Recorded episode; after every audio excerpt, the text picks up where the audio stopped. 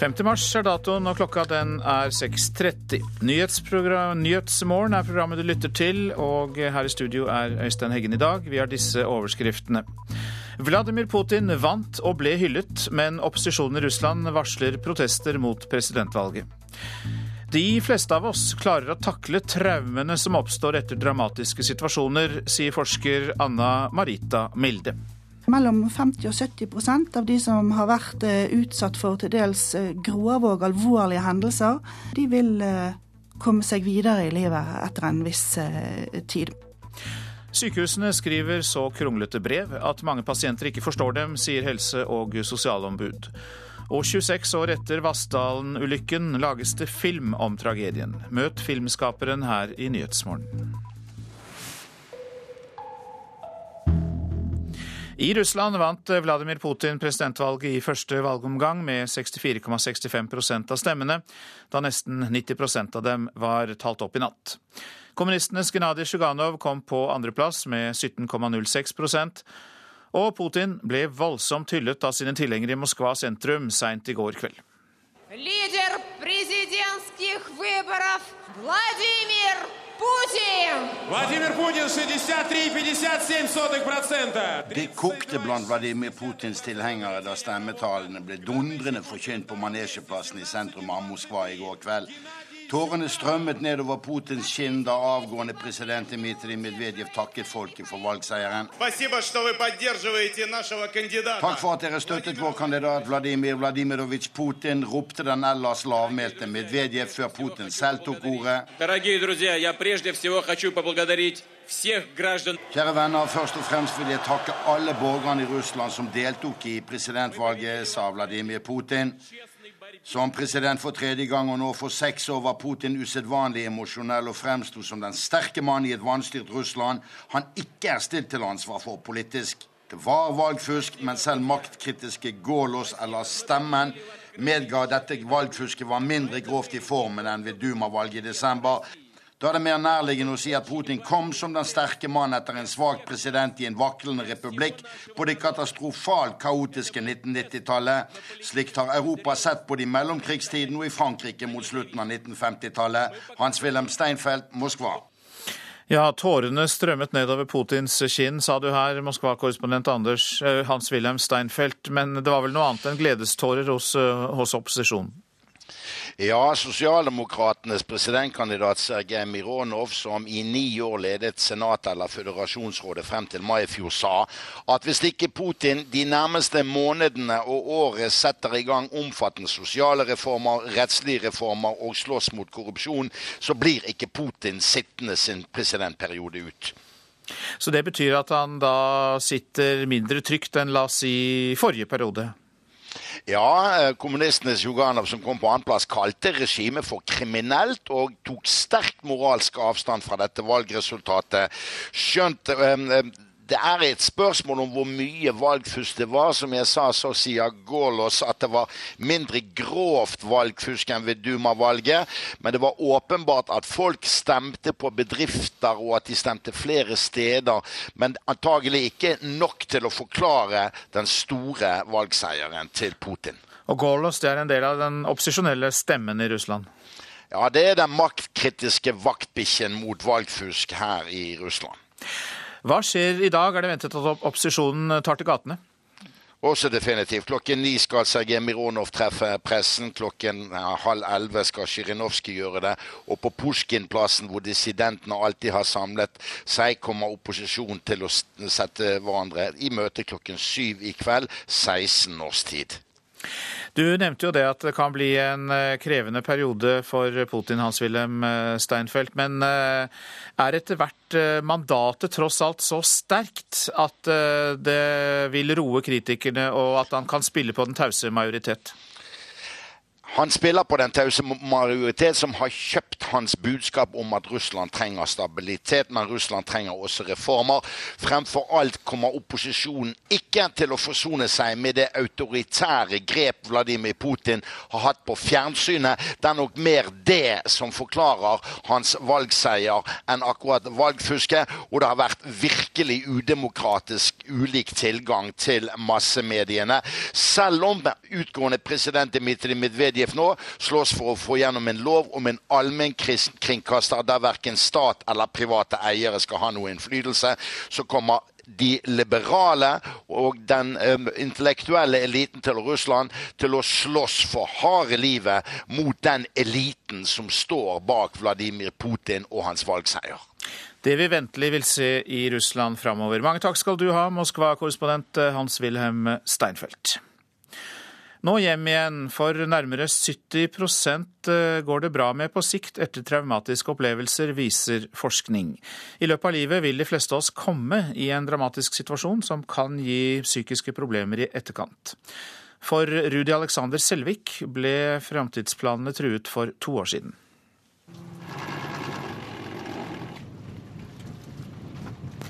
Det er jo teknikk. Sløy fort. For en fisker er kniven et viktig redskap, og du må kunne bruke den. Det er tungvint å ha en dårlig kniv når du skal sløye. Det går ikke an å holde på da. Det er ingen selvfølge at 20-åringen fra Steigen er på jobb i fiskebåten i dag. For to år siden ble han selv et mål for en skarp kniv. Jeg var på nachspiel. Endte opp med at noen begynte å slåss. Skulle bare ta ham vekk derifra. Sprang han i kjøkkenskuffa og hentet kniv. Hva faen er du for noe? Så stakk han bare. Det dype stikket i hofta var rett ved hovedpulsåren og kunne kostet ham livet. Etter den dramatiske hendelsen ble Rudi Alexander redd for å bruke kniv, og han var lenge i tvil om fiskeryrket kunne være noe for ham. Å frykte kniv er et dårlig utgangspunkt når du skal jobbe med fisk. Men to år etter er han på plass i fiskebåten, og han fungerer bra. Da, da, er det fint. De fleste av oss vil i løpet av livet komme opp i en dramatisk hendelse. 22.07 var en ekstremsituasjon som det er vanskelig å trekke paralleller til så tidlig, forteller psykologspesialist og traumeforsker Anne Marita Milde fra Universitetet i Bergen.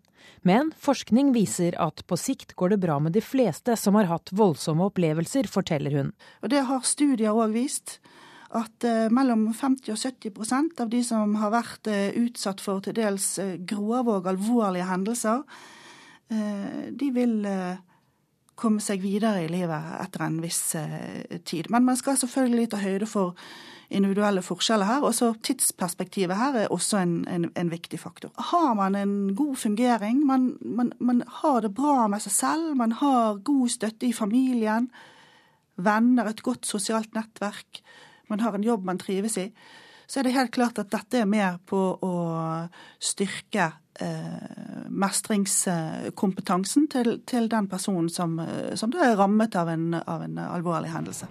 For Rudi Alexander var det å fortsette med sine daglige rutiner det beste. Beste terapien er ikke bare ikke å tenke på det, sikkert. Man må leve som før, det er jo ikke annet å gjøre. Og eh, det var eh, reporter Brita Garden som hadde laget dette innslaget, og mer om traumer blir det i kveldens Puls klokka 19.45 på NRK1. Men vi skal ikke slippe taket riktig ennå, for Hans Nordahl, du er professor i klinisk psykologi ved NTNU i Trondheim. Og vi hørte at Rudi Alexander Selvik sa at man må leve som før. og Er det et godt råd for de som har opplevd noe traumatisk? Ja, det er et uh, veldig godt råd å prøve å få en slags uh, psykologisk uh, distanse til det som har skjedd.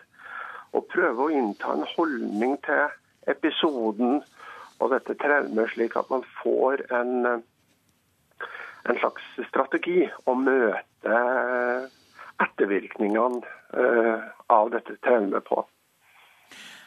Hvilke grep skal man ta for å klare å skape den distansen? Det er flere ting. Eh, det viktige er at man har eh, en slags eh, struktur og en, og en hverdag hvor man kan fokusere utover og prøve å gli inn og lage seg normale rutiner. Samtidig som at når man kjenner jo at dette tar tak igjen, og, og at det napper og, og, det er en del plager og symptomer etterpå, så vil man på en måte kunne ha det bedre ved å på en måte variere mellom å liksom eh, mestre dette, og samtidig prøve å fokusere utover og normalisere og være på en måte i en veksling mellom det å heles og det å jobbe og være i normal aktivitet. Denne uka så er det jo ventet at uh, tiltalen etter 22.07 blir klar, og mange gjenopplever uh, kanskje da dramatiske ting når detaljer blir kjent. Hvordan påvirker den type eksponering de som har uh, opplevd traumer? Jo, det kan slå i mange retninger. Noen vil bli på en måte mer sensitiv og bli utsatt for en slags uh, ny runde på dette, kan skape et ubehag og en unnvikelse som, kan, som, på sikt kan være problematisk. Mens andre igjen da har allerede fått en slags distanse fra det og prøver å koble fra. Og, og det gjør at uh, det vil være individuelle forskjeller. Men for noen så er det, er det, helt klart at denne eksponeringen og reeksponeringen skaper en slags uh, ny runde med, med, symptomer, angst og uro. Så, så, så, dette kan slå i flere veier. Mange takk for at du var med i Nyhetsmorgen, Hans Nordahl, som altså da er professor i klinisk psykologi ved NTNU i eh, Trondheim. Sykehusene skriver så kronglete brev at mange pasienter ikke forstår dem, sier helse- og sosialombud Anne Lise Christensen i Oslo til Aftenposten i dag. Hun mener de fører til at pasientene ikke får med seg hva de har krav på av behandling. Hun beskylder Oslo universitetssykehus for å ikke forstå og respektere pasientenes rettigheter. Helsedirektoratet bekrefter at mange har problemer med å forstå brevene, skriver Aftenposten. I dag er det 26 år siden Vassdalen-ulykken, den verste ulykken som det norske forsvaret har opplevd i fredstid. Et snøskred tok livet av 16 soldater rett før en stor Nato-øvelse. Og journalist Gunnar Solberg Hagen, velkommen til oss. Jo, takk for det. Det var din idé å lage film om denne ulykken nå, og hvorfor det etter så mange år? Eh, jo, fordi at i fjor var det 25 år siden eh, på denne dagen, og da var det noen få av disse guttene som var samla eh, i regi av Forsvaret. Uh, og um, de fant ut at det var noe de savna. De savna å få samla alle de overlevende soldatene på nytt igjen. Og på en måte få fullført det oppdraget de ikke fikk fullført den gangen. Mange av dem har vært spredd for Ja, altså De var fra over hele Norge, og de har bodd hver for seg siden. Mange av dem har ikke sett hverandre. Men du var med på denne samlingen eller marsjen, og hvordan opplevde du det? Jo, det var ganske Det var en sterk opplevelse. Jeg vet at for de, for de to som, som eh, arrangerte det, eller de tre overlevende fra troppsledelsen, så var det mye terapi, bare det i å ta kontakt med disse folkene igjen. Eh, de forteller om det i filmen. Få den stemmen på øret. Eh, oppleve den andre, samme reaksjonen den andre veien. Det tror jeg var ganske heftig for dem. Og det gjorde at så å si alle kom og, og, og, og var sammen en hel helg. Og vi, vi, møtte dem på flyplassen da de kom opp ved Evenes, i nærheten av Narvik. da Vassdalen er jo i det området. Neste morgen gikk de inn. Det, vi har nettopp snakket om eh, terapi etter eh, traumer. og Tror du at denne filmen vil kunne fungere som det også? Ja, kanskje Ja, selve filmen, det, meget, det, kan meget vel tenkes, det også. Jeg tenker at selve turen i seg sjøl var terapi. Mm. Eh, jeg vet jo at eh, en del av de som overlevde her, har eh, så store vanskeligheter med å takle det som skjedde den gangen, at man egentlig bare kan forestille seg hvordan dette kommer til å bli mange år fremover og hele livet for alle de som var enten direkte involvert eller indirekte involvert i det som skjedde på Utøya og regjeringskvartalet. Hva håper du at vi får ut av filmen, vi som ikke var der og som ikke var involvert i Vassdalen? Jeg tror du får en forståelse av eh, hvor vanskelig og heftig det har vært i, i et, et, kvart århundre for de eh, soldatene som, eh, som gikk inn. Jeg tror, jeg tror, det kommer frem. Og på en måte så tror jeg det var en eh, slags renselse for dem å gå den marsjen eh, på nytt igjen og oppleve stedet der de sjøl jeg så flere av dem. De, vi måtte legge ned kameraet av og til, men flere av dem klatra ganske høyt opp i fjellet og fant sine egne posisjoner fra den gangen og så etter stedet der de ble gravd opp, og der de kanskje grov opp en død kamerat osv. Så, videre. så jeg oppfatta det sånn at de, eh, for mange av dem så var det veldig positivt å få gjort dette på nytt igjen. Det var tankevekkende. Mange takk skal du ha, journalist Gunnar Solberg Hagen, for at du kom hit til eh, Nyhetsmorgen. Vi skal se på hva avisene skriver i dag. En eh, tårevåt Vladimir Putin sto fram som eh, seierherre, skriver Aftenposten. Russland kan stå foran en ny periode med uro, skriver avisa. Kritikerne av Vladimir Putin varsler masseprotester, er oppslaget i Dagsavisen. Opposisjonen beskriver ham som leder for et system bygd på løgn, drap og terror. Innsatte Inan fra Iran er avbildet på forsiden av Bergens Tidende. Han er en av 78 utlendinger som soner i Bergens fengsel. En av tre innsatte i norske fengsler er utenlandske statsborgere, og det er den høyeste andelen i Skandinavia. Norsk velstand, gjennomsiktig samfunn og høy oppklaringsprosent trekkes fram som forklaringer. Reitan er nest størst i kiosk i Europa og er representert i sju land nå, skriver Adresseavisen. Reitan servicehandel har kjøpt over 1000 kiosker i Finland, Estland og Litauen for 1 milliard kroner. Dagens Næringsliv har samme oppslag, og til avisa sier Magnus Reitan at de har fått kjøpe kioskene historisk billig, og at målet er å bli aller størst på kioskhandel i Europa. Over 70 turiststeder får holde butikkdøra høy, vid og søndagsåpen, skriver Vårt Land. Men blir du hjemme i helgen, må du holde hviledagen hellig og handle fri. Forsyningsministeren gir tommelen opp for søndagshandel, men bare på turiststedene. Civita utfordrer LO-leder Flåten, skriver Klassekampen. Tankesmia vil granske forskjellen i norsk fagbevegelse og finne ut hvordan LO blir sett på av de andre organisasjonene. Roar Flåten advarer Civita mot splitt og hersk-taktikk. 84 soldater kastet ut av Heimevernet i Troms pga. vold, narkotika og psykiske problemer, kan vi lese i Nordlys. Forsvaret frykter at det ikke blir nok HV-soldater. Et flertall av folket er mot friere bruk av snøscooter, leser vi i Nasjonen. Unge under 30 år og folk med lav utdanning er de som er positive til å myke opp reglene for snøscooterkjøring i utmark. De får skylda for de høye boligprisene, skriver Finansavisen og viser bilde av statsrådene Liv Signe Navarsete og Erik Solheim. Boligeksperter tror forenkling av regelverket og mer effektivt byråkrati kan senke boligprisene med 10-20% Bilnyheter og sukkerinnholdet i matvarer er forbrukeroppslagene på førstesidene av VG og Dagbladet.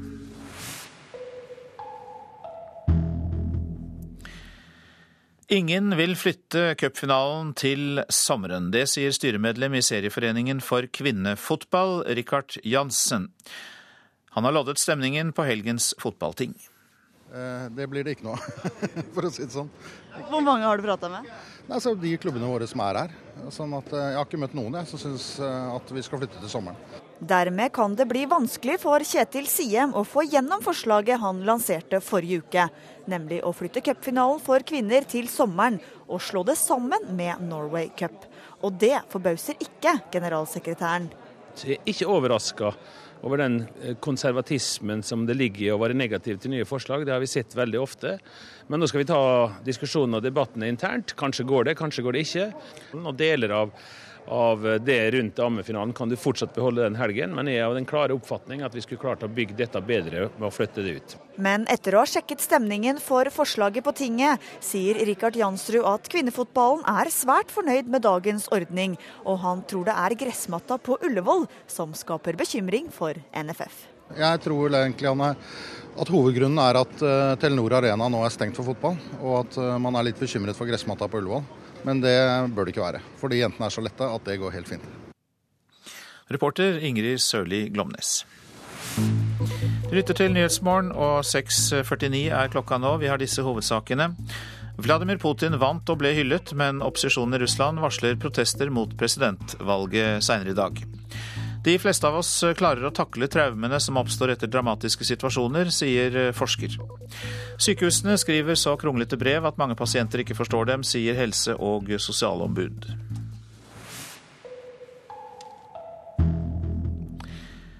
Det viser seg at stadig flere søreuropeere søker hjelp hos Kirkens Bymisjons kafé Møtestedet i Oslo. Men de har ikke kapasitet til å hjelpe alle. Og nå etterlyser Kirkens Bymisjon et bedre hjelpetilbud for utlendinger som eh, sliter med å finne seg til rette i Oslo. Det er kjøttboller med potetkaffe og fløtesaus. Dagens middag til 15 kroner er klar til servering på Bymisjonskafeen Møtestedet i Oslo sentrum. Tilbudet er primært for rusmisbrukere som trenger mat og oppfølging. Men i det siste har det kommet stadig flere hjelpetrengende fra de økonomisk kriserammede landene i Sør-Europa. Det forteller daglig leder ved møtestedet, Kari Gran. Mennesker som har mista arbeidet sitt hjemme og ikke har noen inntekt. Strever med å brødfø seg og familien og rett og slett reiser ut i håp om å få arbeid andre steder, bl.a. i Norge. Mange av de økonomiske flyktningene har urealistiske forventninger, tror Gran. Mange har nok hatt liksom en tro på både at Norge er et rikt land, har hørt at vi trenger arbeidskraft, og tenkt at det skulle være nokså enkelt å komme hit og få jobb. Og så er det kanskje ikke sånn. Og Den bekymringen deler jeg fullt ut. Sier sosialbyrådet i Oslo, Anniken Hauglie. Vi ser jo at det kommer mange nå som en følge av finanskrisen i Europa. Eh, og jeg frykter at det kommer til å komme enda flere framover også. Og mange tror jeg kommer til å bli slust inn i et svart arbeidsmarked med dårlige arbeidsforhold og også dårlige boforhold. For møtestedet har ikke kapasitet til å hjelpe søreuropeerne, og etterlyser nå et bedre hjelpetilbud for utlendinger som kommer til Norge for å søke jobb. Jeg tenker at det er en utfordring at ikke vi har ett sted der alle som kommer til Oslo, uavhengig av rettighetsstatus, får komme inn betingelsesfritt. Der det finnes liksom et minimum av humanitet, der man i hvert fall kan være inne over natta. Men et slikt tilbud kan ikke sosialbyråden garantere. Ja, vi skal ivareta liv og helse og sørge for at eh, de har det de trenger når de er her. De som ikke har eh, jobb eller muligheter, bør reise hjem. De har eh, forpliktelser til å klare seg selv. Og så skal kommunen gjøre det som vi gjør innenfor ansvarsområdet vi har. Reporter Kjersti Kanestrøm Lie. Kulturskolene gjør altfor lite for å vise fram de tilbudene de har, viser en forskningsrapport. Og vi dro til en av Oslos østlige bydeler, der antall barn som bruker kulturskolen er lavt. Vi ville høre hva slags kunnskap som finnes om tilbudet der. Tre, tre. Styremøte i junioravdelingen i en fotballklubb på Oslos østkant. Her sitter det foreldre til barn i seks og sju og åtteårsalderen. Foreldre som har det til felles at barna deres nå for tiden er interessert i å spille fotball. Men hvor godt kjenner de til det tilbudet kulturskolen gir? Det har jeg aldri hørt om. Der er jeg blank. Nei, egentlig ikke. Jeg har prøvd å orientere meg, men jeg har egentlig ikke funnet ut av det. Ingen kjente til det lovpålagte tilbudet om norsk kulturskole. Ifølge forsker Egil Bjørnsen ved Agderforskning gjør norske kulturskoler altfor lite for å fortelle befolkningen som helhet om tilbudet sitt. Annet fordi ventelistene er så lange. Kulturskolene trenger ikke flere barn. Når det gjelder tilbudet som sådan, så er jo kulturskoletilbudet sprengt. ikke sant? Slik at uh, Kulturskolene trenger jo ikke å gjøre noe, det trenger jo ikke å, å strekke seg for å få elever som sådan.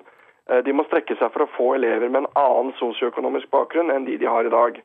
Eh, og Da kan jo kanskje disse ventelistene fungere som en, en, en sovepute. fordi at eh, hvorfor, hvorfor skal man strekke seg, og hvorfor skal man jobbe aktivt for å, for å presentere kulturskoletilbudet som mer relevant osv., når de har fulle hus allikevel, når ventelistene er lange. Altså, De gjør det jo veldig bra i dette middelklassesegmentet. Altså, Det er ikke noe problem der. I tidligere forskning på temaet, bl.a. en undersøkelse utført av Telemarksforskning i 2009, forklarte man lav deltakelse i kulturskolen med sosiale forskjeller. Høye priser gjorde at dette ble et tilbud kun til rike barn. Men dette er ifølge Egil Bjørnsen en sak med flere sider. Vi tror den største utfordringen handler om kommunikasjon. At for store segmenter av de som ikke bruker kulturskoletilbudet i dag, så føles ikke kulturskoletilbudet relevant. Har, har du hørt om uh, det kommunale kulturskoletilbudet? Nei. Ja, okay. Men du er veldig inne i, i idrett uh, og fotball og sånne ting. Uh, kjenner ikke til at det finnes tilsvarende ordninger på kulturområdet? Nei, det gjør jeg ikke. Reporter Åste Kveseth, og i Kulturnytt eh, litt over åtte får du høre hva statssekretæren i Kulturkunnskapsdepartementet svarer.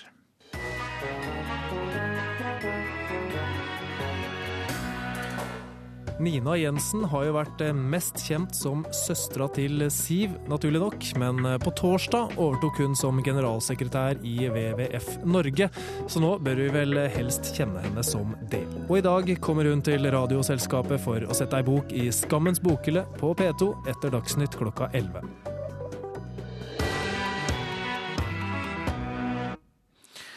Så var det værvarselet. Fjell i Sør-Norge får stort sett oppholdsvær og perioder med sol i dag. Østlandet og Telemark oppholdsvær og perioder med sol. Agder får det meste skyet vær, men stort sett opphold. Rogaland og Hordaland seraust liten kuling utsatte steder. Fra i ettermiddag minker det. Stort sett oppholdsvær. Sogn og Fjordane får sørlig liten kuling på kysten. Utrygt for litt regn i ytre strøk, men ellers stort sett oppholdsvær. Det kommer nedbør som snø i høyden. Møre og Romsdal skyet, utrygt for litt regn på Sunnmøre, men ellers opphold. Trøndelag får også oppholdsvær og perioder med pent vær. Helgeland, Saltfjellet, Salten og Ofoten sørøstlig liten kuling utsatte steder. Pent vær, men mer skyet i de ytre strøkene. Lofoten og Vesterålen delvis skyet, kan hende enkelte sluddbyger ytterst i Lofoten. Troms lokal liten kuling i nord, pent vær, men noe mer skyet på kysten og i grensetraktene. Kyst- og fjordstrøkene i Finnmark. Stiv kuling utsatte steder øst for Nordkapp. Ellers for det meste pent vær, men noe mer skyet sør i Øst-Finnmark. Så var det Finnmarksvidda. Der blir det sørlig periodevis liten kuling utsatte steder i nord, og skyet eller delvis skyet oppholdsvær. Spitsbergen sørlig liten kuling utsatte steder, stiv kuling i nord. Fra i ettermiddag til dels sørvestlig sterk kuling lengst nordvest. Litt sludd og regn av og til, vesentlig i vestlige kyststrøk. Så er det temperaturer målt klokka fire. Svalbard lufthavn pluss to. Kirkenes minus elleve. Vardø minus fem. Alta minus seks. Tromsø minus to. Bodø minus én grad. Så er det plussgrader i Brønnøysund, pluss tre. Trondheim minus én grad. Molde null. Bergen-Flesland og Stavanger begge pluss fire. Kristiansand pluss én. Gardermoen minus tre. Lillehammer minus tre. Røros er nede i minus 14 i dag, og Oslo-Blindern minus én grad.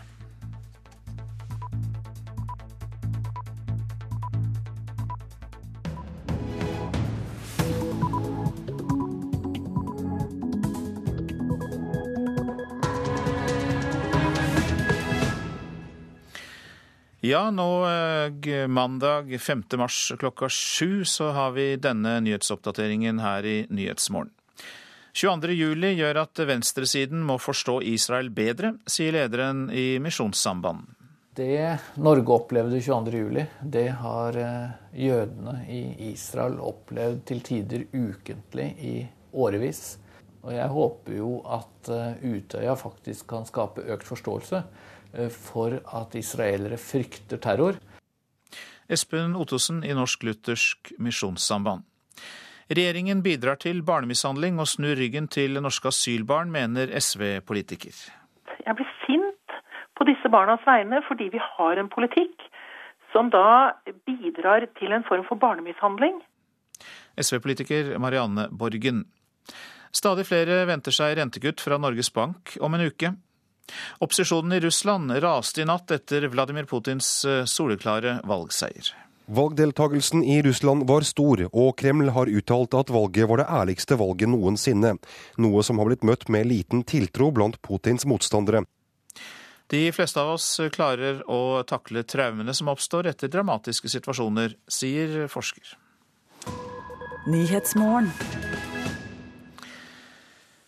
Terroren 22.07 gjør at den norske venstresida bør forstå Israel bedre. Ja, denne påstanden kommer fra Espen Ottosen i Norsk Luthersk Misjonssamband.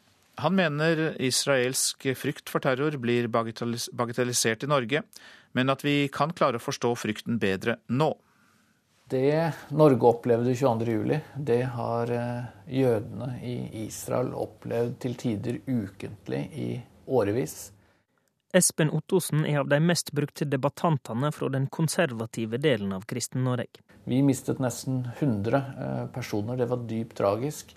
I Israel så er opp mot 2000 mennesker de siste 20 åra drept i terroraksjoner, og nesten 10 000 er skadet. Han synes norsk Midtøsten-debatt er skeiv. At vi f.eks. bør skjønne behovet for å bygge grensemuren eller gjerdet mellom Israel og Vestbredda. Jeg mener jo at særlig norsk venstreside har oversett og bagatellisert eh, all den terroren som har rammet eh, jødene.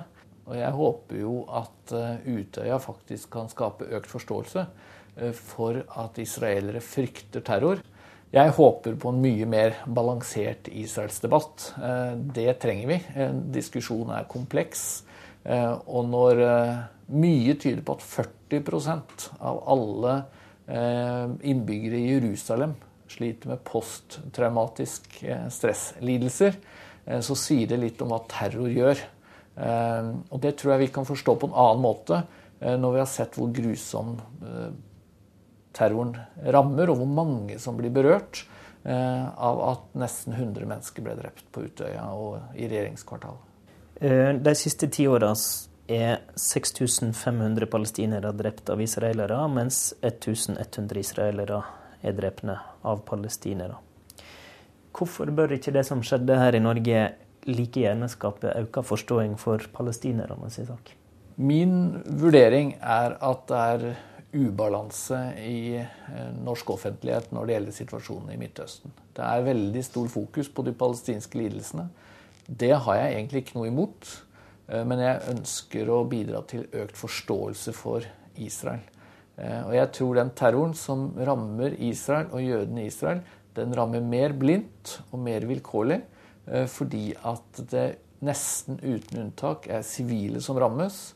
Og én ting er jo de terroraksjonene som lykkes, men nesten ukentlig så blir jo terrorister stanset i Israel pga. sikkerhetsgjerde, pga. sikkerhetstiltak. Og det viser noe om at det er grunn for eh, frykt blant den israelske befolkning. Når han snakker om norsk venstreside, mener han også de som var offer for kulene. Jeg vil gjerne si til AUF at når dere har opplevd så grusom eh, terror, eh, så håper jeg dere også har forståelse for at jøder i Israel opplever den terrorfrykten svært reell. Det er en uh, usmakelig uh, sammenligning. AUF-leder Eskil Pedersen var på Utøya, og har de synspunktene på Midtøsten-konflikten som Ottosen mener bør være mer balanserte. Men han er uenig i at venstresida er ubalansert. AUF har alltid vært motstander av terror. Det synet som vi har hatt på terror som begås av enkeltpersoner, Eh, og eh, terror som begås av stater, og som eh, er brutal på samme måte. Det har vi alltid vært motstandere av. Jeg har ikke blitt noe mindre motstander av det etter det vi opplevde. Usmakelig mener han også det er å be noen endre politikk med bakgrunn i et terrorangrep.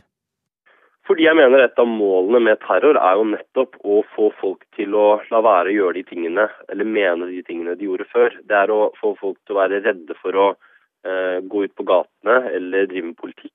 Eh, det er å få land og organisasjoner til å endre politikk.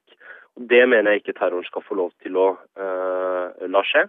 Og Derfor så ønsker ikke jeg at AUF skal endre standpunktene sine basert på det vi opplevde i sommer. Vi skal stå opp for palestinernes rett til en selvstendig stat. Vi skal stå opp for det flerkulturelle samfunnet i Norge, for å bruke to eksempler.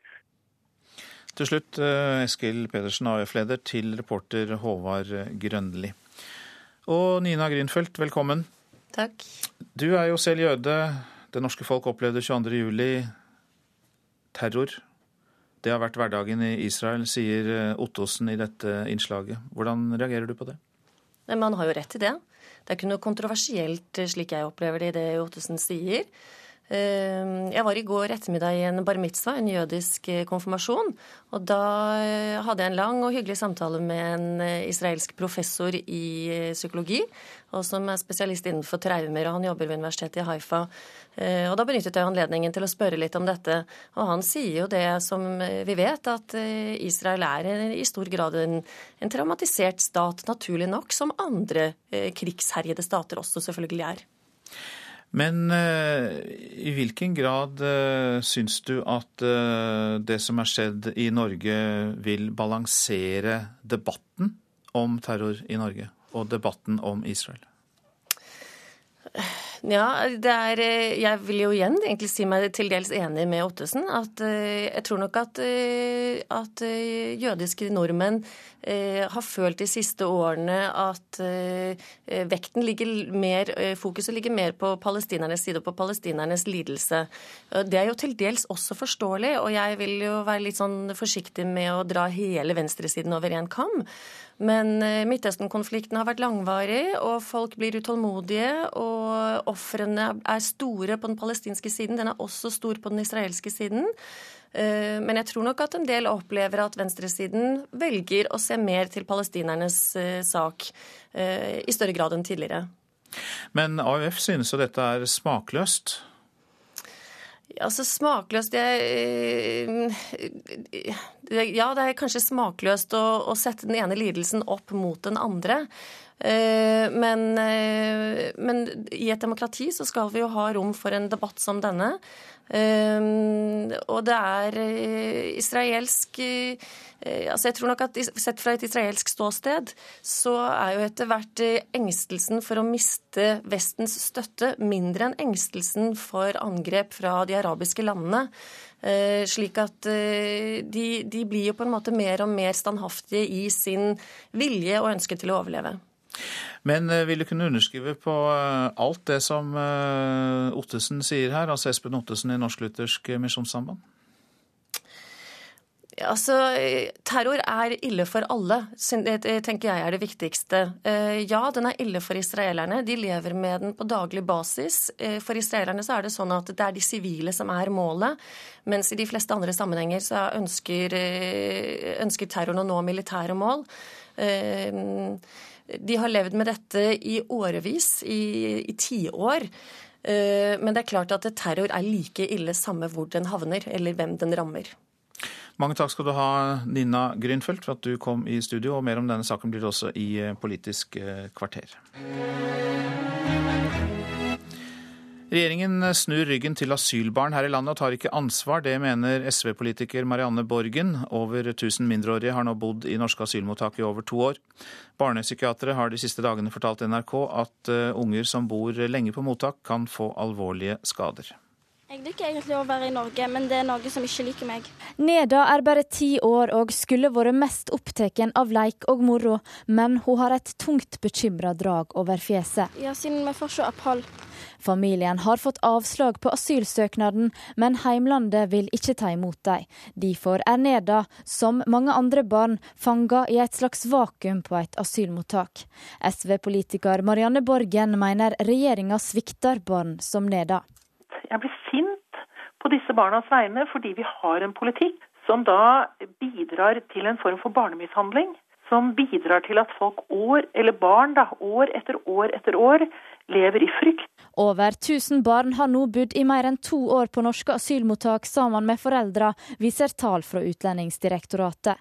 Barnepsykiatere forteller om barn som ikke ser vits i å leve lenger, og sier at unger som bor lenge på mottak, kan få psykiske skader som varer livet ut. At Man kan altså ikke her snu ryggen til disse barna og late som om problemene ikke finnes. Regjeringa har faktisk gjort veldig mye for barn de siste to årene og rettighetene til barn i asylmottak. Svarer Pål Lønseth, statssekretær i Justisdepartementet. Mange unndrar seg utsendelse, vanskeliggjør myndighetenes eh, tvangsutsendelse. Men en følge av at eh, barna deres vokser opp på mottak og er der lenge på mottak. Det er en veldig utilfredsstillende situasjon for regjeringa. Reporter Eirin Årdal. Krona har den siste tiden blitt eh, svært sterk målt mot nesten alle andre valutaer. Det får industrien og eksperter til å håpe på at eh, rentekutt kommer fra Norges Bank om halvannen uke. Og folk på gata i Bergen vil gjerne ha enda lavere rente. For ungdommen med dyre boliglån så er det helt supert hvis renten går ned. Jeg holder med min, eh, min mann på det. det hadde betydd veldig mye for oss. Og bergenserne kan få ønsket oppfylt, skal vi tro sjeføkonom Jan Andreassen i Terra-gruppen. Norges Bank har en vanskelig avveining, men jeg tror at eh, Norges Bank kommer til å kutte rentene. Avgjørende tror jeg blir kronekursen, eh, som nå er rekordsterk sett med industriens øyne. Vi tror, eh, som Andreassen, at eh, det kan være duket for eh, rentekutt. Sier direktør Finn Langeland i Norsk Industri. Bransjeorganisasjonen er oppmuntret av sentralbanksjefen, som forrige uke understreket at han vil bruke rentevåpenet om krona blir for sterk. Vi har stor tillit til Øystein Olsen. Han var i Norsk Industris representantskap for ikke så lenge siden, og det var uhyre innsiktsfullt. Han har forståelse for den situasjonen som industrien er inne i. Enn så lenge tror likevel de fleste sjeføkonomer at sentralbanksjefen ikke rører renta neste uke. Men det siste året er det Jan Andreassen som har truffet aller best med sine rentespådommer. Det nye nå er jo at den norske krona er stort sett sterk mot alle valutaer. Forrige gang var den bare sterk mot euro, mens dollaren var eh, på et relativt høyt nivå målt i norsk regning. Det er ikke bare nivåene her som er eh, farlige, det er også hastigheten. Krona har gått veldig sterkt gjennom januar og februar, og Norges Bank må gjøre et eller annet for å prøve å stagge farten på den. Norsk industri klarer å omstille seg til et høyere kostnadsnivå. Hvis det skjer gradvis og smått.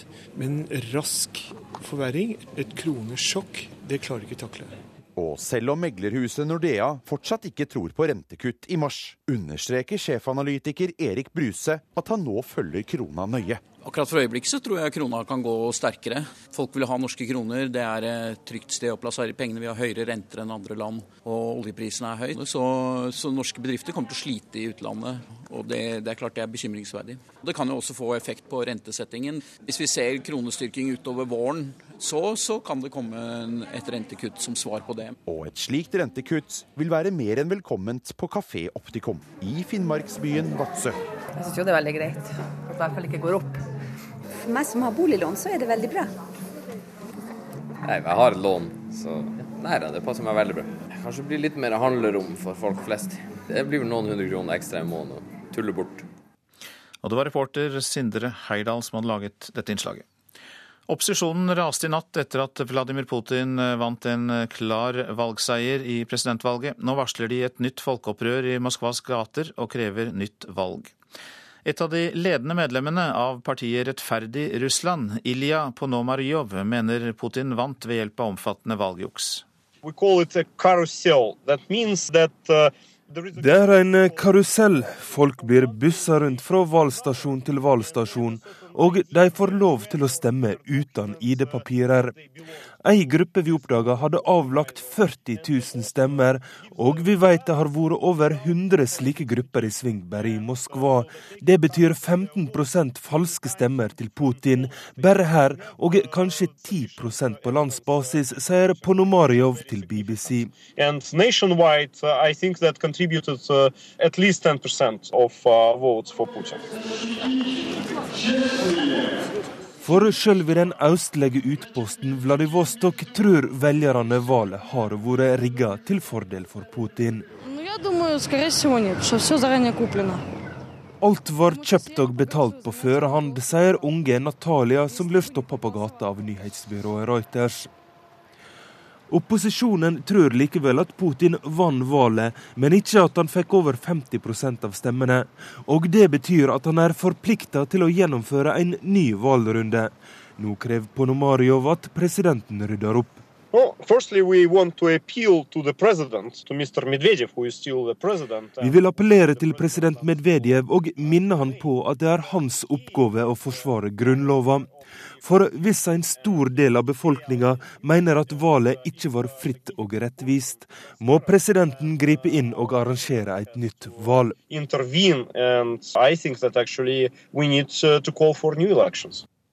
Reporter her, Roger Severin Bruland.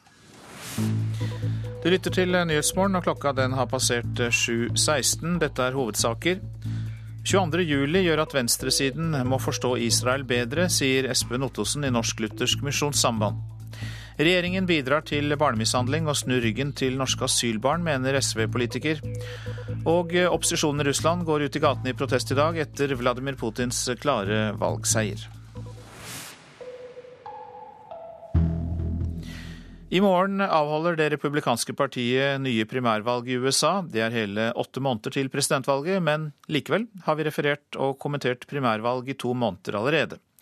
Disse nominasjonsvalgene er helt avgjørende for hvem som blir president Obamas motstander i november. Men så er det en smule mer komplisert enn som så, ifølge vår tidligere USA-korrespondent Joar Hoel Larsen. Det er nå fire kandidater igjen. Newt Gingrich, Ron Paul, Rick Santorum og Mitt Romney. De har til sammen sikret seg om lag 300 delegater så langt, mens det i morgen kjempes om 437 delegater til nominasjonskongressen i Tampa i Florida den siste uka i august. Det er med andre ord veldig langt frem. Mitt Romney har nå rundt 150 delegater, mens Santorum har ca. 85. For å bli nominert må de ha en oppslutning fra mer enn halvparten av de 2286 delegatene. Det magiske tallet for de fire håpefulle er altså 1144, ca. 1000 mer enn det Mitt Romney har i øyeblikket. Så han står på for å skaffe seg flere, annet ved å rakke ned på Obama. This is a president who does not understand energy. He is the problem. He is not the solution. It's time to get him out of office and get someone in who will get us energy secure. Men det er nå det begynner å bli innviklet. For det er så mange lokale regler og unntak fra regler at hvordan man gjør det i hvilke stater, blir helt utslagsgivende.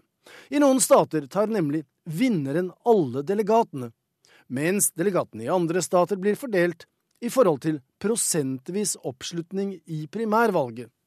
Med andre ord, en seier, hvis den er knepen, kan bety at vinneren bare får 16 delegater mot taperens 14, altså nærmest uavgjort i forhold til det å nå det magiske antallet delegater på 1144. Og enda vanskeligere, noen primærvalg resulterer ikke i delegater i det hele tatt. De blir fordelt når det endelige resultatet foreligger, og i enkelte tilfeller er disse ikke engang forpliktet til å støtte vinneren i Tampa. Det er komplisert, så kandidatene, som Rick Santorum, gjør seg lekre uansett. Hey guys, how are you? Good to see you. Thank you. Thank you. Et annet usikkerhetsmoment for de fire republikanske kandidatene som fremdeles henger med, er at i primærvalgene kjempes det bare om 70% av delegatene. 30% altså over 650 delegater, møter direkte i kraft av sin egen personlige betydning i og for det republikanske partiet. Det er partifunksjonærer, tillitsmenn og -kvinner, folkevalgte og andre såkalte superdelegater. Disse vil jo gjerne støtte en vinner, så de venter ofte med å binde seg til en kandidat til de ser hvilken vei vinden blåser. Det kan jo være en fremtidig president de skuffer eller fornærmer hvis de satser på feil mann, så superdelegatene spiller gjerne kortene sine taktisk. Så et ullent resultat i morgen uten noen avklaring der alle vinner noe, kan bety at hvem som til slutt blir Obamas utfordrer, først blir avgjort på selve nominasjonsmøtet i august. Så tar vi med en melding fra Island, for i dag starter rettssaken mot Islands tidligere statsminister Geir Horde. Rundt 60 personer er innkalt for å vitne om bankkollapsen i 2008. Blant dem flere ledende politikere. Kollapsen førte til at eh, Island gikk konkurs, og Horde er tiltalt for mangelfullt tilsyn med finanssektoren på øya. Dommen er ventet i slutten av april. I dag startet den nasjonale folkekongressen i Kina. Med en tale av statsminister Wen Jiabo har understreket han behovet for at den kinesiske militæret øker sin kapasitet, og at det aller viktigste er å kunne vinne lokale kriger. Og Asia-korrespondent Anders Magnus, jeg lurer på hvorfor han sier lokale kriger? Ja, dette fikk nok eh, ganske mange rundt eh, Kina, deres nærmeste naboer, til å hoppe i stolen. Det er sjelden å høre slik direkte tale. Og jeg tror nok dette var et signal til de små landene rundt Sør-Kina-havet, særlig Vietnam og Filippinene. Det var jo en konflikt senest i går mellom kinesiske styrker og, og vietnamesiske eh, fiskebåter. Og stat, president Hu Jintao har jo tidligere sagt at Kinas militære styrker må forberede seg på krig på en måte så er dette selvsagt, eh, og det er også selvsagt at man ønsker å vinne kriger, men det er likevel nye signaler, og det har vært mye problemer eh, i Sør-Kina-havet det siste året. og det, det, virker som om kineserne trapper opp, for de mener at hele dette havområdet er deres, mens eh, nabolandene Vietnam og Filippinene mener at de har like stor rett på olje og gass og fiskeriressursene i dette området. Så skal vi ikke glemme at det også internt har vært mye uro i eh, dette store landet den siste tiden. og Nevnte statsministeren eh, noe om det? Ja da, Han eh, sa nesten helt på slutten av sin tale at det er viktig å modernisere det såkalte væpnede politistyrkene.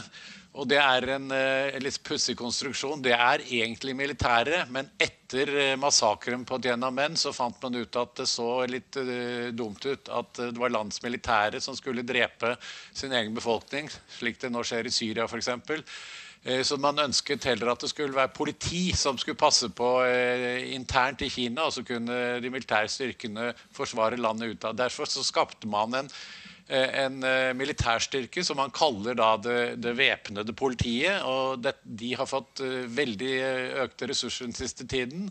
Og de ser man overalt, også her i hovedstaden, men særlig i urolige områder som Tibet og Xinjiang. Eh, hvor det har vært veldig mye protester og opptøyer den siste tiden. Senest i går så var det jo to tibetanske kvinner som satte fyr på seg selv i protest mot eh, det de mener er Kinas ulovlige okkupasjon av Tibet. Gi meg to stikkord om økonomisk politikk fra Wen Jiabao da til slutt, Anders Magnus. Ja, Han uh, sa at uh, det blir 7,5 uh, vekst til neste år. Så håper man at de klarer å, nå det. Det er jo uansett mindre enn det har vært fram til nå.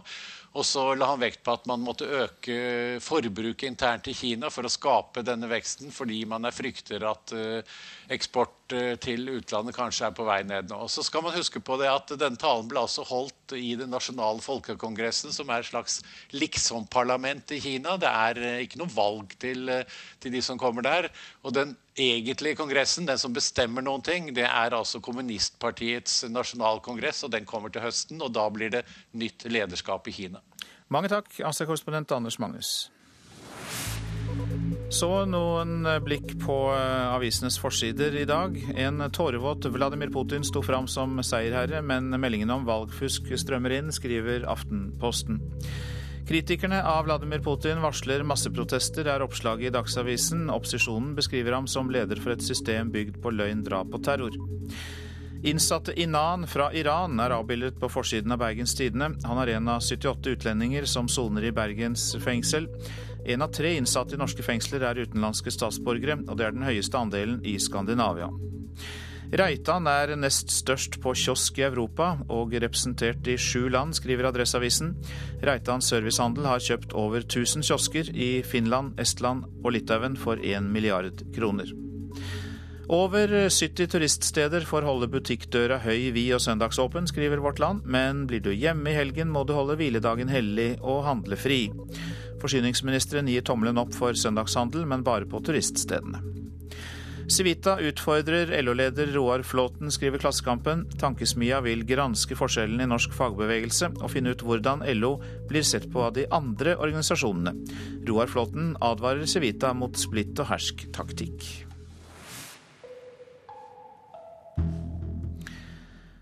Roboter kan være kranglete ved St. Olavs hospital i Trondheim. For det hender nemlig ganske ofte at robotene kommer i konflikt med de ansatte.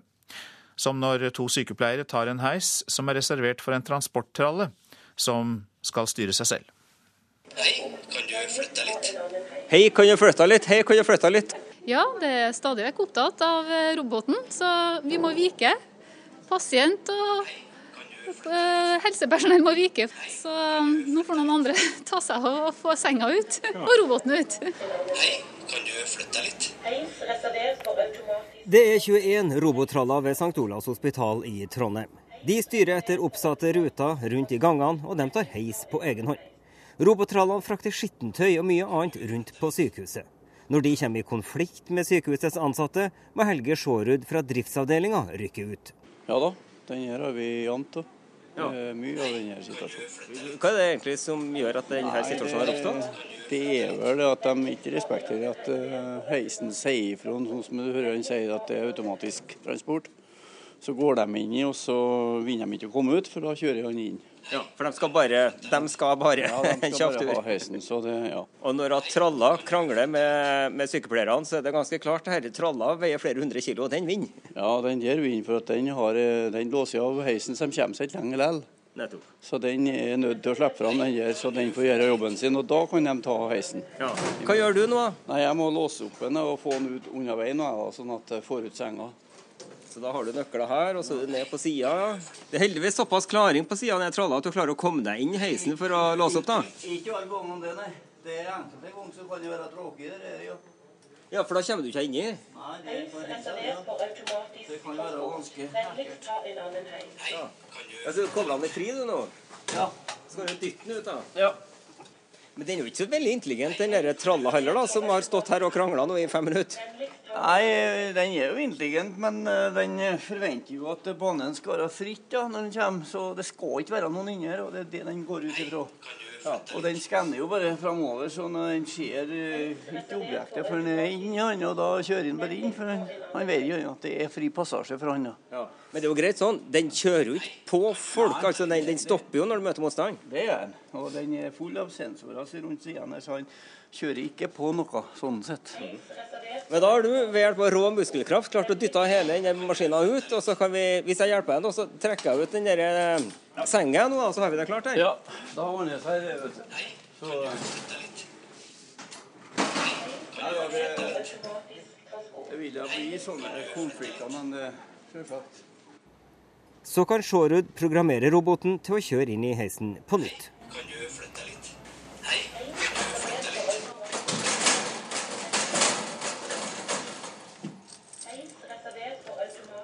Sånn, ja. Nå går den inn. Pass deg, nå starter jeg, senere. Ja, og nå hører du at han varsler hele tida på heisen og han varsler, så det skal ikke noen gå inn i heisen der, men det blir gjort, da. Ja.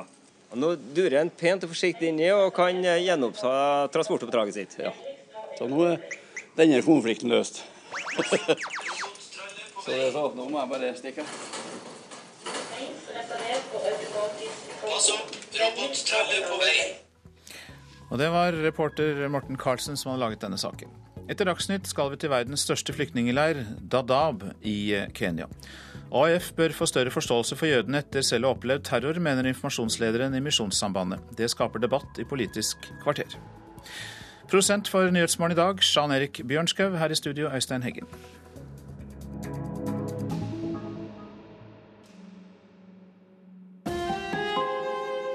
Hør ekko. Norge og Vesten drømmer om et stabilt, fredelig og demokratisk Midtøsten. Men hvorfor gjør vi det? Hva hvis den arabiske våren fører til mer uro og ustabilitet? Er det olje og handel, eller det arabiske folkets frihet som blir viktigst for oss da? Ekko 9 til 11 i NRK P2.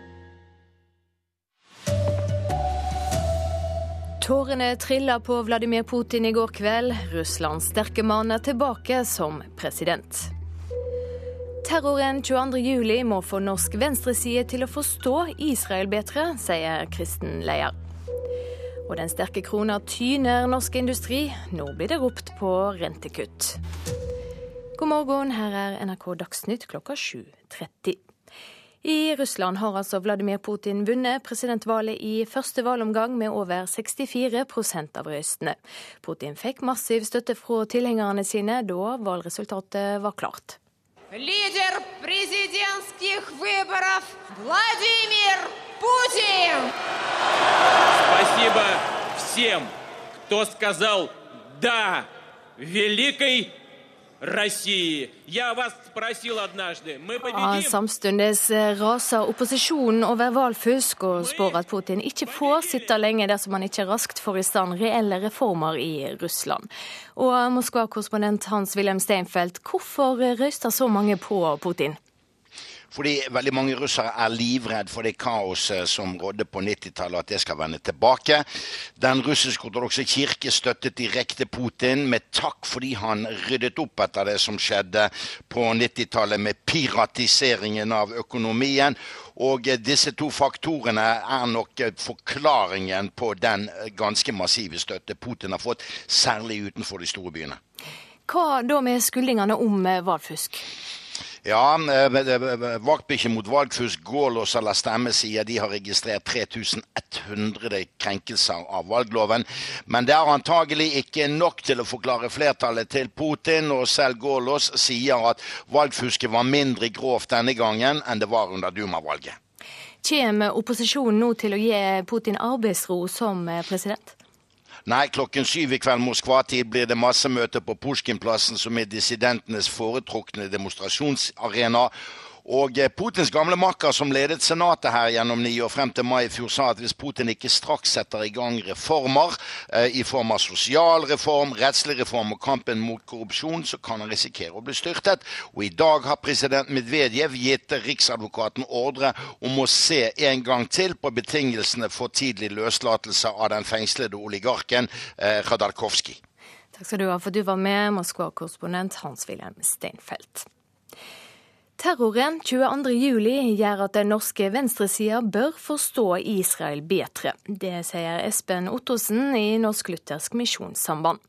Han mener israelsk frykt for terror blir bagatellisert i Norge, men at vi nå bedre kan forstå frykta i Israel. Det Norge opplevde 22.07, det har eh, jødene i Israel opplevd til tider ukentlig i årevis. Espen Ottosen er av de mest brukte debattantene fra den konservative delen av Kristen-Norge. Han synes norsk Midtøsten-debatt er skeiv, at vi f.eks. bør skjønne behovet for å bygge grensemuren eller gjerdet mellom Israel og Vestbredda. Jeg mener jo at særlig norsk venstreside har oversett og bagatellisert Eh, all den terroren som har rammet eh, jødene.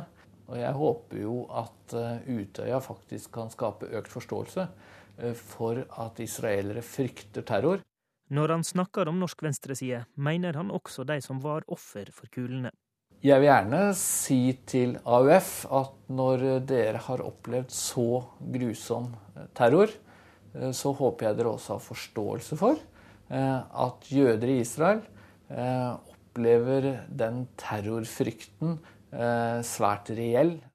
Det er en usmakelig sammenligning.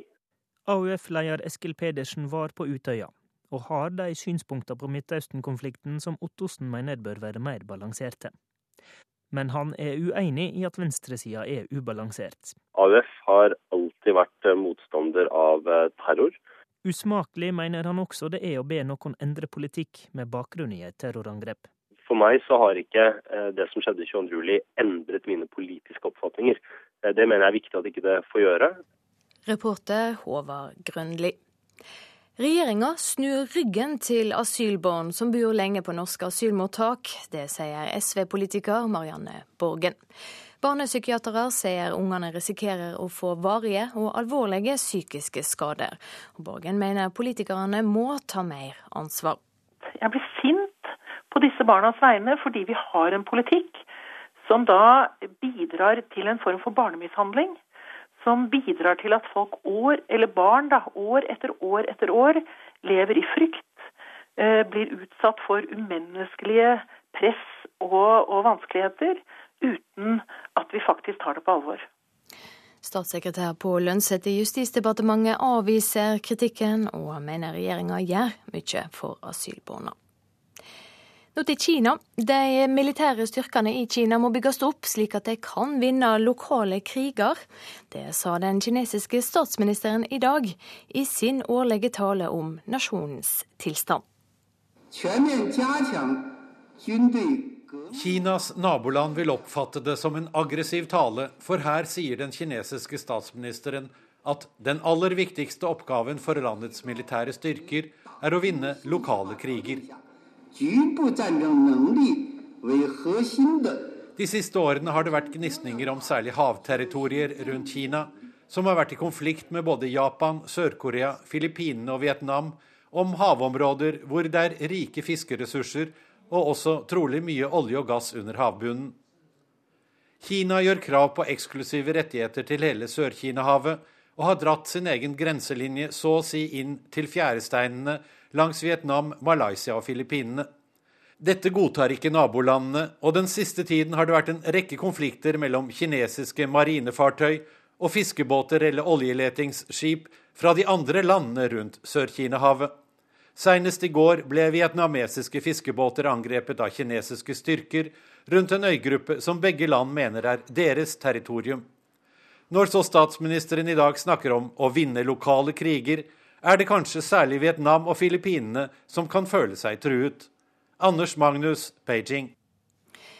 Norges Bank må kutte renta nok en gang om halvannen uke. Det mener flere eksperter. Den norske krona er nå på sitt høgste nivå på nesten ti år. Det kan bli avgjørende for hva som skjer med renta. Folk på gata i Bergen vil gjerne ha enda lavere rente. For ungdommen med dyre boliglån så er det helt supert hvis renten går ned. Det hadde betydd veldig mye for oss. Og bergenserne kan få ønsket oppfylt, skal vi tro sjeføkonom Jan Andreassen i Terra-gruppen. Norges Bank har en vanskelig avveining, men jeg tror at eh, Norges Bank kommer til å kutte rentene. Avgjørende tror jeg blir kronekursen, eh, som nå er rekordsterk sett med industriens øyne. Det nye nå er jo at den norske krona er stort sett sterk mot alle valutaer. Det er altså hastigheten. Krona har gått veldig sterkt gjennom januar og februar. Og Norges Bank må gjøre et eller annet for å prøve å i hvert fall stagge farten på den. Vi tror, eh, som Andreassen, at eh, det kan være duket for eh, rentekutt. Sier direktør Finn Langeland i Norsk Industri. Og et slikt rentekutt vil være mer enn velkomment på Kafé Optikum i finnmarksbyen Vadsø. For meg som har boliglån, så er det veldig bra. Nei, jeg har et lån, så nei, det passer meg veldig bra. Det blir vel noen hundre kroner ekstra i måneden å tulle bort. Reporter Sindre Heierdal. Nå eh, fotball. Ingen vil flytte cupfinalen til sommeren. Det sier styremedlem i Serieforeninga for kvinnefotball, Rikard Jansen, etter at de har lodda stemninga for ei slik flytting på fotballtinget i helga. Eh, det blir det ikke nå, for å si det sånn. Hvor mange har du prata med? Altså, de klubbene våre som er her. Sånn at, eh, jeg har ikke møtt noen jeg, som syns eh, at vi skal flytte til sommeren. Dermed kan det bli vanskelig for Kjetil Siem å få gjennom forslaget han lanserte forrige uke. Nemlig å flytte cupfinalen for kvinner til sommeren og slå det sammen med Norway Cup. Og det forbauser ikke generalsekretæren. Jeg er ikke overraska over den eh, konservatismen som det ligger i å være negativ til nye forslag. Det har vi sett veldig ofte. Men nå skal vi ta diskusjonen og debattene internt. Kanskje går det, kanskje går det ikke. Og deler av av det rundt ammefinalen kan du fortsatt beholde den helgen, men jeg har den klare oppfatning at vi skulle klart å bygge dette bedre med å flytte det ut. Men etter å ha sjekket stemningen for forslaget på tinget, sier Rikard Jansrud at kvinnefotballen er svært fornøyd med dagens ordning, og han tror det er gressmatta på Ullevål som skaper bekymring for NFF. Jeg tror egentlig Anne, at hovedgrunnen er at eh, Telenor Arena nå er stengt for fotball, og at eh, man er litt bekymret for gressmatta på Ullevål. Men det bør det ikke være, fordi jentene er så lette at det går helt fint. Reporter her Ingrid Sørli Glomnes. Ansvarlig for eh, Dagsnytt eh, denne morgenen, Erlend Rønneberg. Teknisk ansvarlig, Arnt Egil Nordlien. Her i studio, Silje Sande.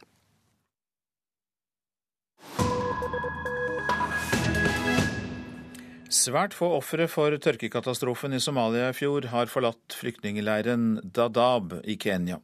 Kanskje bare en håndfull av dem. Det er verdens største flyktningleir og er en enorm utfordring for det internasjonale humanitære samfunnet, rapporterer vår Afrikakorrespondent Lars Sigurd Sunnanå. Sekk etter sekk med mais losses fra lastebilene som FNs matvareprogram har sendt inn hit til Dadaab.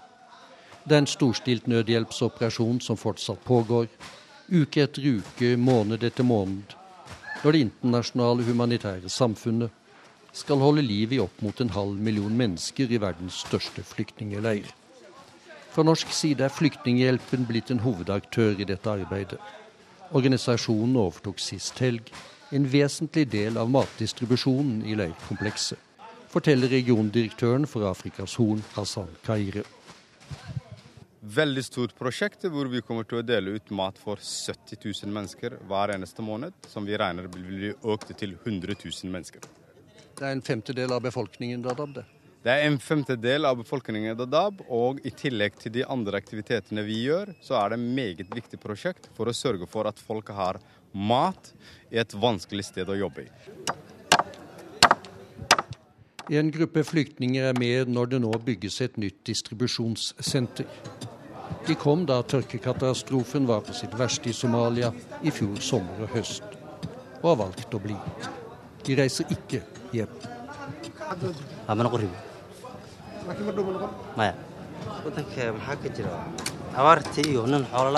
Jeg kom hit pga. tørken og drar ikke tilbake, sier Bashir Aden. Alle dyrene mine døde, og det er fortsatt borgerkrig i Somalia. Jeg har ikke noe å dra tilbake til, sier han. Men det er et kummerlig liv svært mange av flyktningene fra Somalia lever i Dada. Matrasjonene oppleves som knappe. De får ikke særlig mye rent vann, og latrinene som er satt opp, renner ofte over når hver av dem skal deles av ti familier. De gjør ikke livet lysere når teltene som FNs høykommissær for flyktninger har gitt dem, har sett sine beste dager. De er ikke tette lenger, de lekker som siler, nå som en ny regntid er på trappene i denne delen av Kenya.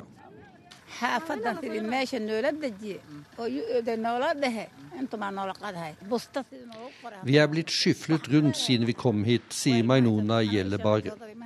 Vi ble lovet tepper uten å ha fått dem. Vi har heller ikke fått huskeråd, og jeg som er gammel, har ikke fått noen madrass til å sove på. Teltet mitt er slitt og fullt av vann når det regner, sier hun.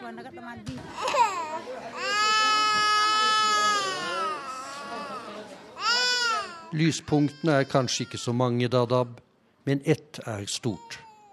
Barna dør ikke lenger av underernæring rett foran øynene på en. Helsepersonell som vi møter fra Leger uten grenser og Røde Kors, forteller at selv om forholdene for mange små fortsatt er svært vanskelige, er det ikke på langt nær så ille som de var. Det er mest vanlige barnesykdommer de nå behandler på klinikkene og sykehusene i leiren. When we came in in October last year, the status of, of these, patient, of these uh, resident refugees was uh, Da vi kom hit i oktober i fjor, var det svært hektisk pga. all underernæringen, sier Ibrahim Kalama, en av legene fra Kenyas Røde Kors. Men nå er det sjeldent at vi ser dem. Det er fortsatt underernærte barn her, men de er heldigvis få. Du lytter til Nyhetsmorgen. Dette er hovedsakene i dag. 22.07 gjør at venstresiden må forstå Israel bedre, sier informasjonsleder Espen Ottesen i Norsk Luthersk Misjonssamband. Regjeringen bidrar til barnemishandling og snur ryggen til norske asylbarn, mener SV-politiker. Og opposisjonen i Russland raste i natt etter Vladimir Putins soleklare valgseier og varsler demonstrasjoner i dag. Ja, informasjonslederen i Misjonssambandet kommer til deg i Politisk kvarter, Sigrid Solli. Her møter han AUF, som kaller koblingen mellom 22.07 og Midtøsten-debatten for usmakelig. Og vil Siv Jensen tviholde på kravet om regjeringsdeltakelse etter at Venstre lot sine absolutter fare?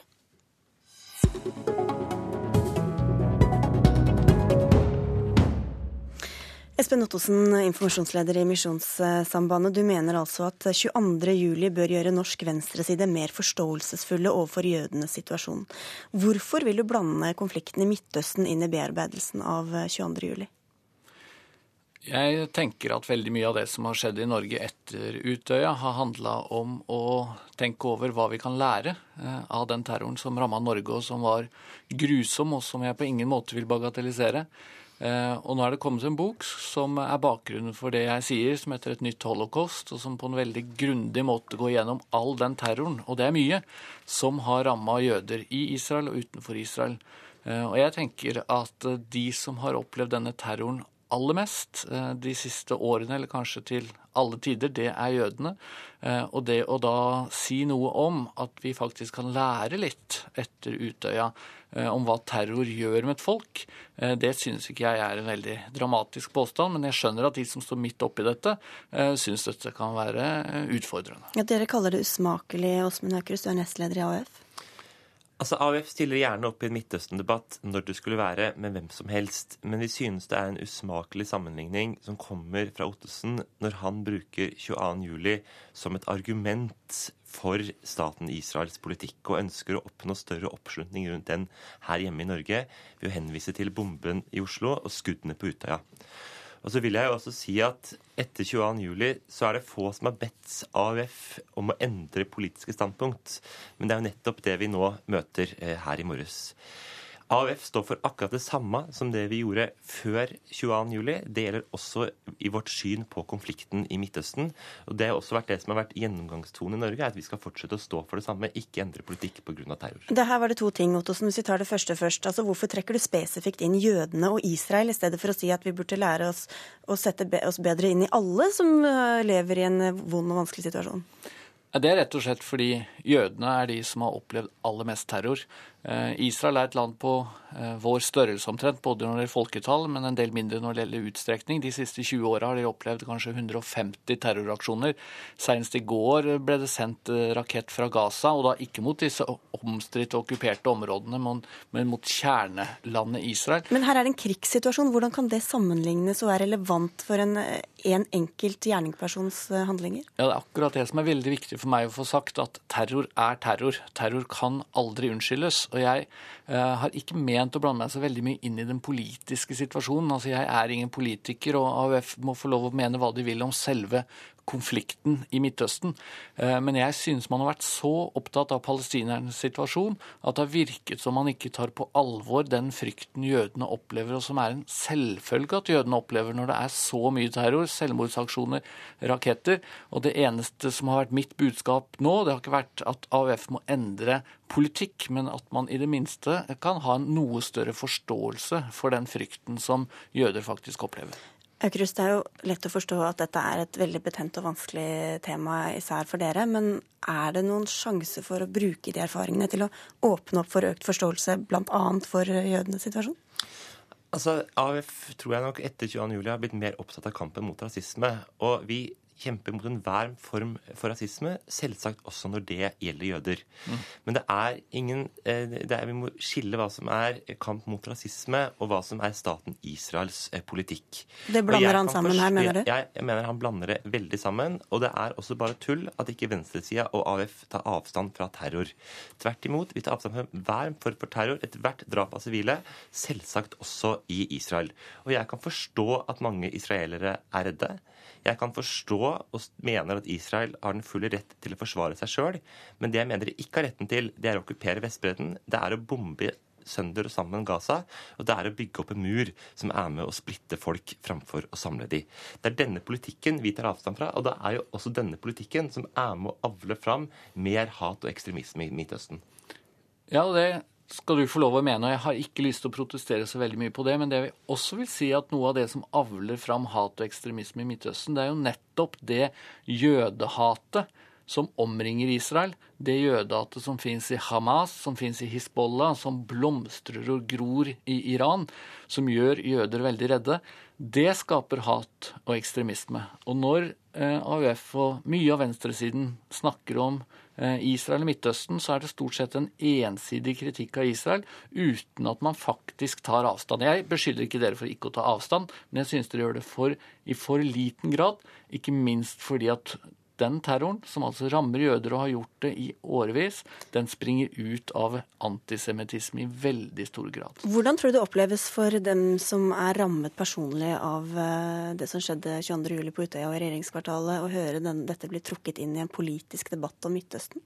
Ja, Nå har det jo vært mitt mål med denne debatten å ikke gjøre den så veldig politisk. fordi det eh, skjønner jeg at kan være en vanskelig kobling. For meg så er poenget at terror handler om mennesker. Eh, jeg leste i magasinet i Dagbladet på lørdag en forferdelig sterk og vond reportasje eh, blant de etterlatte.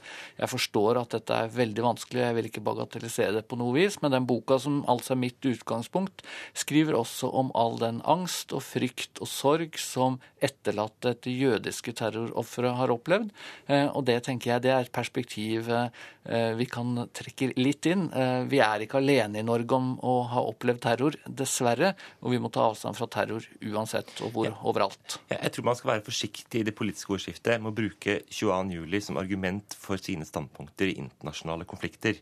Det oppleves som søkt og usmakelig at folk som var utsatt for en bombe eller for skytinga på Utøya, skal få økt forståelse for det som er staten Israels sin politikk. Men det er altså det er ikke det jeg har det sagt. Da. Det, jo, det, har vi heldigvis ikke sett fra noen politiske partier ennå. Og jeg håper vi ikke får flere utspill fra det Ottesen som har kommet med. Men han sier jo at det ikke er politikken nødvendigvis han er ute etter å endre, men bare forståelsen og innlevelsen hos, hos mennesker i dette tilfellet gjør. Ja, Indirekte da så sier ber også oss endre politikk, hvis det skulle være en poeng bak det han, også, bak det han sier. Ja, altså Det er jeg rett og slett ikke helt enig i. Jeg tenker at det som skjedde på Utøya, eh, det må vi lære av. Og det er mange debatter som har foregått i Norge den senere tid som handler om at dette må vi lære av på et eller annet vis. Og det at AUF eller venstresiden kan lære litt eh, i lys av dette, når tiden nå går, eh, av hva terror faktisk gjør med et folk, eh, det synes jeg ikke er så veldig kontroversielt. Uten at det betyr at man da støtter Israels politikk i ett og alt. Det har jeg ikke tenkt å gjøre eh, her. Det har jeg ikke noe grunnlag for heller. Altså, AUF skal lære mye av hva som skjedde, men jeg vil bare si at AUF har på ingen måte noe ensidig politikk i forhold til situasjonen i Midtøsten. Vi har kontakter både på israelsk og palestinsk side, men man kommer uansett ikke utenom at her er det én sterk part og en svak part. Det er en okkupant og et okkupert folk, og det er et Israel som gjentatte ganger har brutt folkeretten. Takk skal dere ha for at dere kom til Politisk kvarter, Espen Ottosen og Åsmund Aukrust.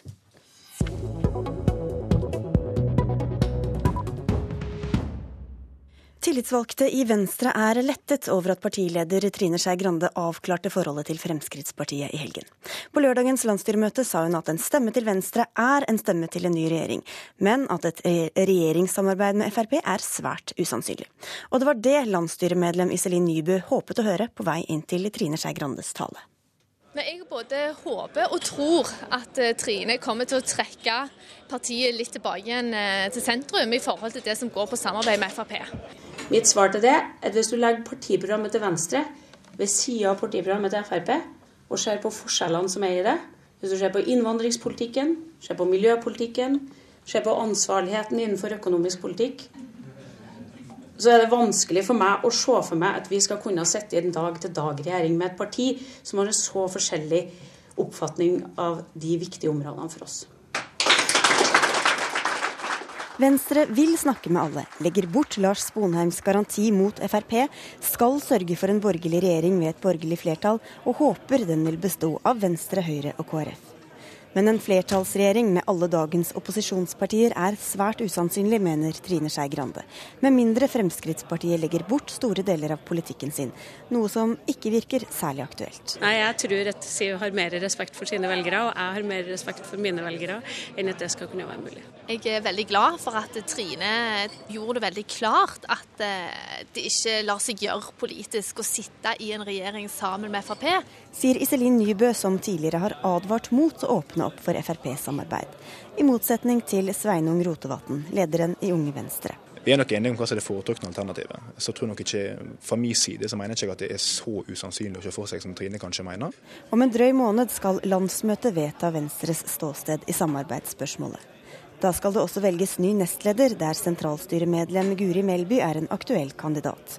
Både hun og Iselin Nybø er glad for den foreløpige avklaringen fra Trine Skei Grande. Jeg tror det er mange i Venstre som er letta over at hun er så tydelig på hva vårt ståsted er. Og jeg tror det er veldig viktig for oss å ta en sånn avklaring, sånn at vi kan forhåpentligvis slutte å snakke bare om regjering, men begynne å snakke mer og mer om politikken vår. Jeg tror mange er letta. Hun gir uttrykk for det som jeg tror mange venstrefolk føler på.